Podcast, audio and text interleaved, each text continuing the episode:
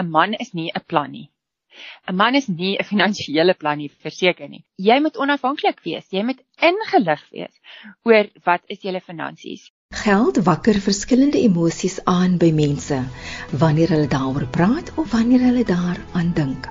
Ek is Olivia Sambo en jy luister na Rand en Sent net hier op RSG 100 tot 104 FM. Baie welkom en dankie dat jy ingeskakel het. Een van die eerste lesse wat ons as kinders geleer word, is dat ons 'n goeie inkomste moet verdien wat in ons behoeftes kan voorsien. Maar daar word bitter min gefokus op die bestuur van daardie inkomste of op maniere hoe ons die geld kan laat groei. En ook in baie gemeenskappe word daar steeds geglo dat mans die geld verdien en vrouens die geld spandeer. Navorsing toon ook dat geld een van die grootste redes is wat lei tot stres en depressie. En talle paartjies het nie die vermoë om kalm, rasioneel en openhartig oor geld te praat nie. Vrouens trek ook in talle gevalle finansiëel aan die kortste end en fokus hulle nie genoeg op hulle eie finansiële doelwitte nie. Ibet van Heerden is die hoof van kleinhandelbesigheid vir Schrouders, Suid-Afrika.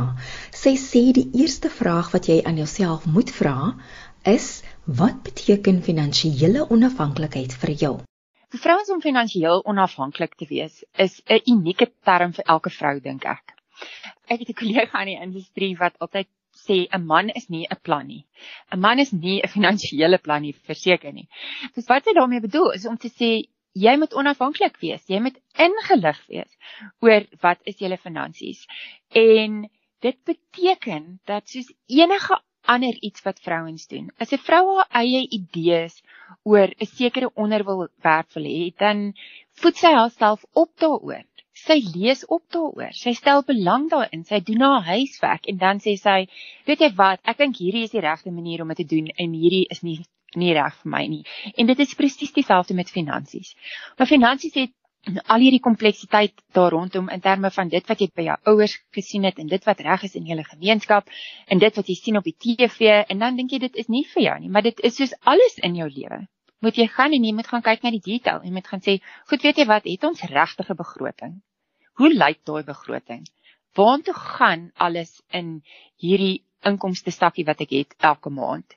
En wie betaal ek eerste? Betaal ek my toekomstige self eerste? Betaal ek my familie eerste? Betaal ek almal rondom my gaan al my geld uit vir die uitgawes en dan dit wat oorbly spaar ek miskien? Of waartoe gaan dit? En jy weet die ironie van die saak is Olivia, vrouens is fantasties met geld. Wanneer vrouens met geld werk, doen hulle dit uitstekend.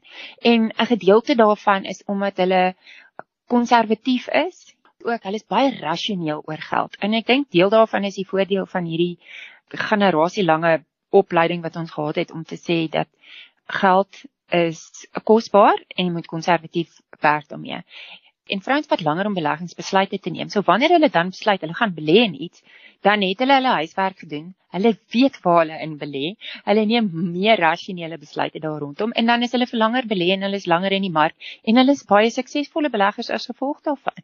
Die uitdaging is net om hulle te kry tot op daai punt waar hulle sê ek weet ek kan hierdie ding doen. Ek kan myself opvoed. Ek kan om hierdie tafel sit. Ek verdien om hier te sit wat is die keuses wat ek het in hierdie spasie en wat moet ek doen om te kom van punt A na punt B? Nog 'n vraag wat jy aan jouself moet vra, is wat is jou identiteit in terme van geld? Hoekom wil jy geld spaar vir eendag? Hoekom belê mense geld? Ek die punt van jou pensioenfondse is eenvoudig om te definieer is dat wanneer ek aftree, wil ek nog steeds 'n inkomste kan verdien. Kom ons begin by 'n eenvoudige manier. Baie vrouens het 'n idee oor wie hulle wil wees as hulle gaan kyk na hulle oefenprogramme. En het 'n idee oor hoe en wie hulle is in terme van gesondheid en fiksheid. Of hulle het 'n baie goeie idee in 'n ander voorbeeld van presies hoeveel plooie hulle om hulle oë wil hê in die tyd wat hulle 60 is. Hulle het 'n baie goeie idee van wie hulle identiteit is as 'n ma. Ek wil amper sê per definisie het vrouens reeds 'n gedeelte van daai identiteit geskep om te sê ek gaan werk en ek gaan my geld aanwend om vir die mense rondom my te sorg waar ek kan. En ek dink dit is die konsep van geld oor die algemeen vir my is dat ons het almal ons eie definisie van rykdom. Ek het altyd gedink geld koop vir mens vryheid, vryheid van keuses. Jy kan kies waar jy wil eet. Jy kan kies wat jy wil eet. Jy kan kies ehm um, na watter skole jou kinders toe gaan gaan, byvoorbeeld. Hoe jy gaan aftree. En ek dink as vrouens mooi gaan stop en dink daaroor, as jy môre nie meer in jou familie is nie, wie neem daai identiteit oor by jou? Wie neem daai identiteit van die versorger oor by jou? Dit is baie moeilik vir vrouens om te praat oor geld want hulle weet in die eerste plek nie hoe daai gesprek lyk nie. Hulle het dalk nooit hulle maandpa gesien praat oor geld nie, boonbehalwe die feit dat hulle heeltyd miskien beklei het daaroor. Of hulle dalk gesien vrouens, party vrouens is erg gemotiveer om finansiëel onafhanklik te wees omdat hulle gesien het al hierdie konflik tussen hulle ouers oor en terwyl ander gesien het miskien dat dit is hoe dit werk, reg? Dit is hoe dit werk as jy vra vra jou jou man vir geld. Daar's 'n paar basiese goed wat ons kan doen. Is dat ja, geld voel soos hierdie groot groen olifant in die kamer en soos hierdie ding waaroor ons nooit praat nie, maar op 'n manier praat ons baie oor geld as vrouens. Ons moet dit net op die regte plek doen in die eerste plek, verstaan jy? En ek dink ons kan soveel meer daarvan doen. Ek dink altyd dit is my die fantastiese ding van ehm um, die stokvel kultuur. Is mense kom by mekaar en ondersteun mekaar finansiëel en dis 'n plek waar mense praat oor geld en finansiële behoeftes en hoe om dit te vervul en hoe om daarby uit te kom. Dit kom terug om te sê is dit begin by my verantwoordelikheid. Dan kan jy begin beplan deur voorsiening te maak vir jou toekoms. As jy die vrou is wat die uitgawes in jou huishouding dien, wat gebeur met jou die dag as jy nie daar is nie? Het jy lewensversekering? Wie gaan daai finansiële bydrae vervang as jy nie daar is nie? En partykeer jy weet, mans dink partykeer dis niks nie, want hulle koop nie die brood en die melk nie. Verstaan jy? Hulle verstaan nie dit word duurder soos met 50% elke 2 jaar in steede van die 5% wat die inflasie syfer is nie. En dit kom terug na kommunikasie toe. En so dan as jy vir my vra hoe versaak vrouens mekaar is om hierdie gesprek te hê en dan as as jy die moeder van kinders is is om te sê wat wil jy hê vir jou kinders? Moet dit vir hulle moeiliker of makliker wees as wat dit vir jou is? En wanneer jy daai vir jouself kan uitwerk om te sê wat jy wil doen en wat jy wil hê, dan gaan jy weet waar my gesprek begin en hoekom dit vir jou so moeilik is om dit te doen. Maar die onvermoë van 'n paartjie om oor hulle geld te praat, dui dalk op onderliggende probleme binne die verhouding. Beklei julle eintlik oor die geld of beklei ons eintlik oor die feit dat ons nie kan praat daaroor nie of jy weet dan begin mense maar net beklei oor die feit dat ons net nie kan praat nie. Carl Richards het eendag hierdie storie vertel. Hy is 'n beleggingsgedrag ken. Hy sê sy vrou kom by die huis en dan sal sy gesels met hom en sê die mense langs aan het 'n nuwe kombuis ingesit en dan sal sy eerste reaksie wees sy wil 'n nuwe kombuis hê. Hulle het nie genoeg geld om 'n nuwe kombuis in te sit nie. Dis waartoe hy gaan, reg? dis sy persepsie, dis wat hy hoor, sy sê. En wat hy eintlik net sê is dis 'n mooi kombuis. Sy is nie eintlik besig om geselskap te maak. Sy was nou vandag by die buurvrou se huis en weet jy wat's nuus by hulle? Is hulle nuwe kombuis. En waartoe hy gaan is dis sy storie, nie my storie. Hy se gaan na hierdie plek toe waar hy dan voel hy is onvoldoende om vir haar 'n nuwe kombuis te koop. So dan is hy hartseer en dan omdat hy hartseer voel, dan raak hy sommer kwaai en dan net voor jy weet is daar 'n argument oor 'n kombuis wat niemand eers wou gehad het nie. En ek dink dit gaan terug na wat beteken geld vir jou. En sy prekonsepsie is dat hy is die voorsiener. So wanneer sy vrou praat oor nuwe goed, dan dink hy hy moet dit kan gee vir haar, terwyl sy eintlik net praat daaroor. En ek dink dat as mans en vrouens om 'n tafel kan sit en duidelike doelwitte te kan kan optrek. En jy weet, ons praat nou hier van goed wat ek verstaan nie maklik is nie. Die konsep van het jy 'n testament? Die konsep van hoeveel lewensversekering het jy nodig? Om rand en sente daar agter te sit, dis nie 'n maklike gesprek nie. En ek sê nie dis 'n gesprek wat mense moet hê nie, maar om die kommunikasie te kan hê, om 'n gesprek te kan hê waar albei van julle veilig voel om te sê, hoe lyk ons familie se toekoms? Hoe gaan ons aftree? Hoe gaan ons ons kinders skool toe stuur? Na watter hoërskool toe gaan hulle gaan? En jy weet, mense is so geneig om dit uit te stel want jy dink is nog ver. Maar dit is eintlik die grootste fout wat jy kan maak met geld want jy kan mos jou geld kry om vir jou te werk, reg? Maar as mans en vrouens om 'n tafel kan sit en hierdie plan het, dan is jy op pad iewers heen. En jy hoef nie daai plan self te maak nie. Jy vat daai doel wat jy opgetrek het. Jy vat al daai vrae wat jy en jou man het nadat julle hierdie vreeslike vreedsame gesprek gehad het oor geld en dan sê hulle ons gaan nou 'n professionele persoon gaan sien wat vir ons al die wiskunde kan doen hier rondom want ek en jy hoef nie te stry oor saamgestelde rente en wat is die waarde van 15% per jaar nie. Regtig. Geen huwelike dit nodig nie. En dit was Ibeth van Heerden van Schrodes Suid-Afrika. Ek is Olivia Sambo in dis rand en sent. Er is hier 100 tot 104 FM. Een van die veranderinge wat COVID-19 meegebring het, is dat meer mense nou van die huis af werk. Rike Snell, geakkrediteerde finansiële adviseur by PSG Wealth, gee sy mening oor die veranderinge wat in werksplekke plaasvind weens COVID-19 en die finansiële implikasies wat dit vir besighede inhou.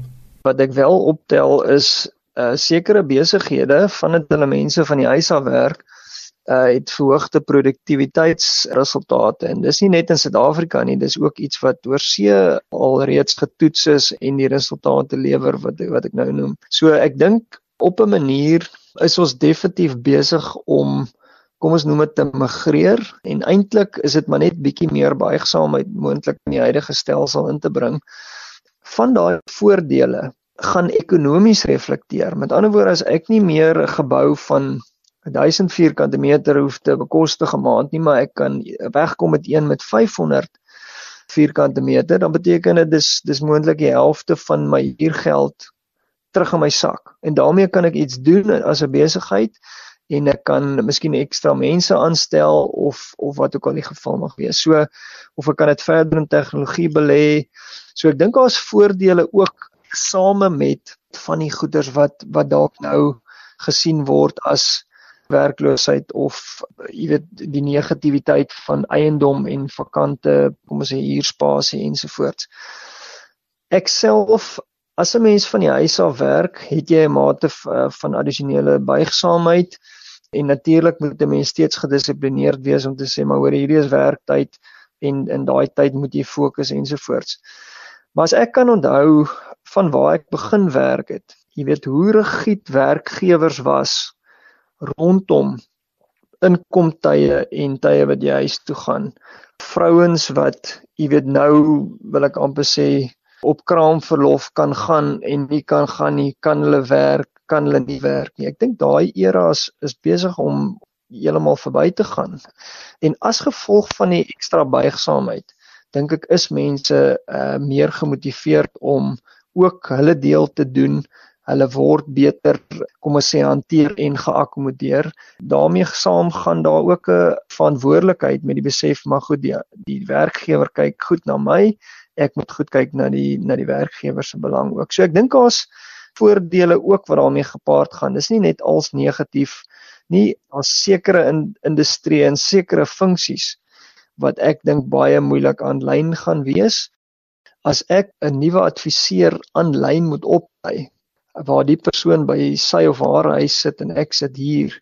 Uh dit gaan 'n baie baie moeilike proses wees omrede maar net jy's nie heeltyd in kontak nie. Nou mense leer heel heel wat vinniger as hulle sien hoe iemand anders optree binne 'n spesifieke situasie. Dis miskien die voordeel, daar's negatiewes ook van oop plan kantoor, maar daar's definitief voordele van 'n oop plan kantoor. Mense kan hoor hoe jy 'n uh, 'n gesprek hanteer. Hulle kan hoor hoe jy spesifieke situasies soos wat ek nou doen met jou bespreek en hulle hoor een gedeelte van die gesprek ten minste. So ek dink die komponent wat mense van mekaar leer gaan dalk uh, 'n klein bietjie in die slag bly en die besighede sal definitief moet mooi dink oor hoe hulle dit gaan repliseer as almal van die huis af werk. Ek ek kan nie dit regtig sien nie. So ek dink daar's definitief 'n vernuwendende deel en daar's 'n gedeelte wat ek dink sal wees soos ons dit geken het. Dit is die tipiese verloop van modernisering en verandering ensovoorts. Mense uh toets nuwe goed. Uh behou dit wat werk en dit wat nie werk nie bly kom ons sê uh, soos hulle in Engels sê work in progress. So gesels Rike Snell van PSG Wealth. En nou studiewenke vir matrikulante van 2020. Met die eindeksamen om die draai is dit nou meer as ooit tyd om hersiening te doen. Een van die beste maniere om te leer is om ou vraestelle te beantwoord en so jou kennis te toets. Gaan loer gerus op afrikaans.com se leerhulp afdeling vir 'n lys vraestelle oor Afrikaans eerste addisionele taal en Afrikaans huistaal en springweg.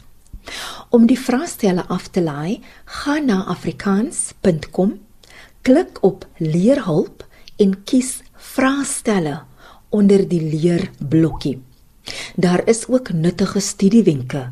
Jy kry dit by artikels onder die algemene blokkie op die landingsblad.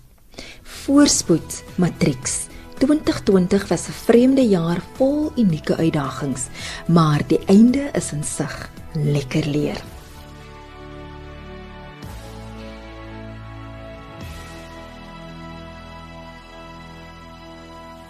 Verandering is onvermydelik en die geheim om te oorleef en om suksesvol te wees vereis aanpasbaarheid, 'n visie en beplanning vir die toekoms, asook kliënte wat jou vertrou om in hulle beste belang op te tree.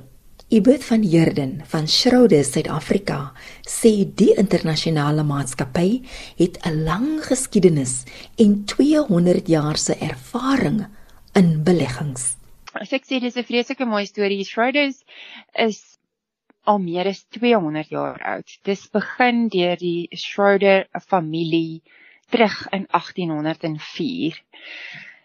En I mean wat dit vandag is is dis een van die 50 grootste waterbestuurders in die wêreld en dis nou 'n gelyste maatskappy in Londen op die FTSE 100 die spesiale ding vir die maatskappy vir my en vir almal van ons wat daar werk is dat die die Schroeder familie is nog steeds die een enkele grootste aandeelhouer in die maatskappy. En hulle bestuur net so onder die helfte van die aandele in die maatskappy. En wat dit beteken vir ons as 'n besigheid is dat ons het hierdie baie geduldige aandeelhouer wat kyk na die besigheid nie net om te sê soos 'n tipiese besigheid wat op 'n aandelemark gelys is nie. Kyk aandeelhouers nie net na die besigheid en sê weet jy wat is ons winsmarge vir die volgende kwartaal of 2 of 3 nie. Ons kan regtig kyk na die langtermyn. Ons kan regtig kyk en as ek sê langtermyn, ons kyk heel waarskynlik in ons besigheid as ons beplan na 10, 15 jaar van nou af. Om te sê wat is die dinge wat ons vandag kan doen om seker te maak dat ons die regte dinge doen vir ons beleggers om hulle in 'n goeie posisie te hou vir 10 of 15 jaar van nou af. So ons kan regtig fokus op ons kliënte se belang eerder as die kommersiële belang van die besigheid. En dit is eintlik baie spesiaal want dit gee ons ruimte om om goed te doen, om innoverend te wees, om aanpasbaar te wees. Dit beteken nie ons waag geld onverantwoordelik nie, want dit sou nie die regte ding wees vir ons kliënte nie.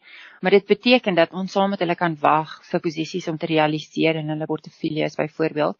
Maar meer is dit nog Olivia is dat daar is nie 'n besigheid wat oorleef 200 jaar sonder om hulle kliënte se vertroue te hou nie. En dit is regtig die ding wat vir ons die belangrikste is en die hele familiegeskiedenis agter die besigheid en ek wil amper sê die wysheid wat ons wat generasies voor myne gekom het of enige iemand andersin is eintlik wat die besigheid spesiaal maak want dit gee vir ons almal die ruimte om iets te doen wat regtig betekenisvol is aan die einde van die dag. Dit was Ibeth van Heerden van Schrouders, Suid-Afrika. Die program word weer woensdagoggend om 04:30 uitgesaai. Totsiens van my Olivia Sambu. Lekker week en veilig wees.